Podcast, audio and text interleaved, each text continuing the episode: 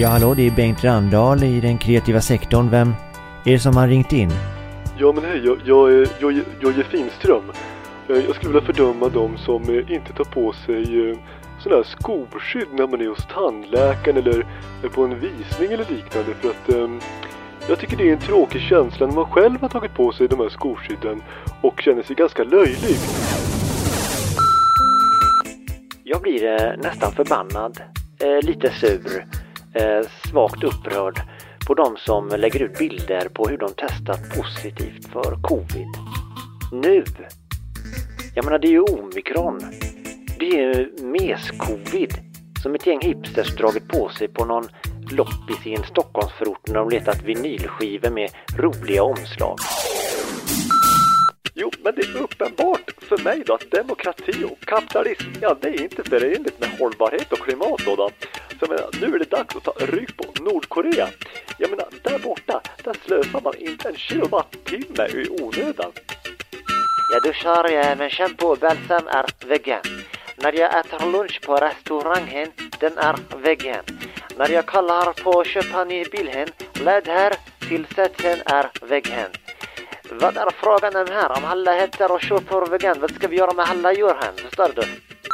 Jag undrar hur Tegnells kalender ser ut nu. Ehm, har han kompledigt i två år nu eller kan man liksom boka in honom på festligheter? Eh, kanske för att liksom topsa svalget på folkentrén till en krog. Ja, det var Pippi Wredelius här. Nu när covid är över, då undrar jag om vi ska få veta vad som har hänt med Zlatans porträtt. Det gör inte så stor eh, skillnad om man är bara lite så berusad.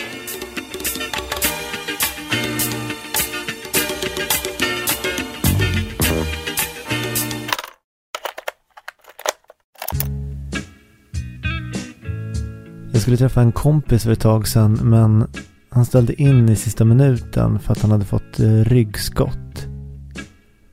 Och det fick mig att börja tänka lite. Är det verkligen okej att kalla ont i ryggen för ryggskott? Borde det inte finnas någon krigsveteran där ute som faktiskt blivit skjuten i ryggen på riktigt?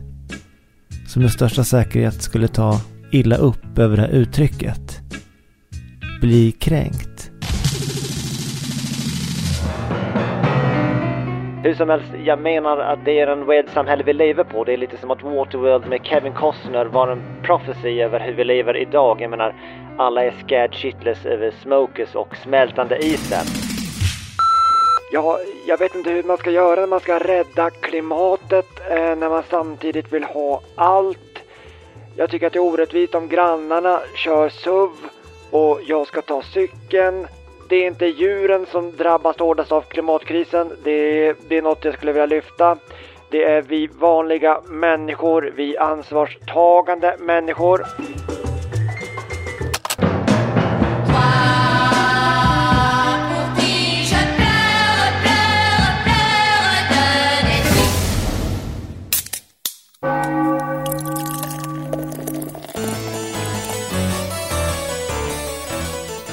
Är du också trött på att behöva dricka så många öl innan du somnar in ordentligt?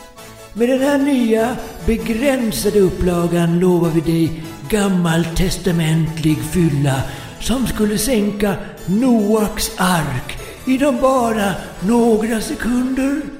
Prästöl till Death Do Us Part är en 40-procentig ölsprit som korsfäster, dödar och balsamerar dig inom bara några minuter. Iskall, svinstark, 40 procent prästöl till Death Do Us Part.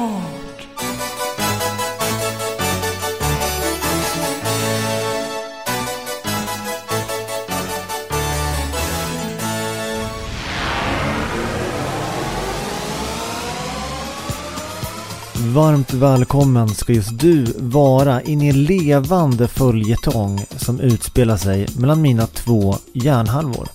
Följ med in bland mina inre röster i en podd där observationer, improvisationer och imitationer går hand i hand med en del svängig musik och ett oändligt antal loopar. Välkommen till den kreativa sektorn med mig, Martin Randahl Edsman. Trevlig lyssning!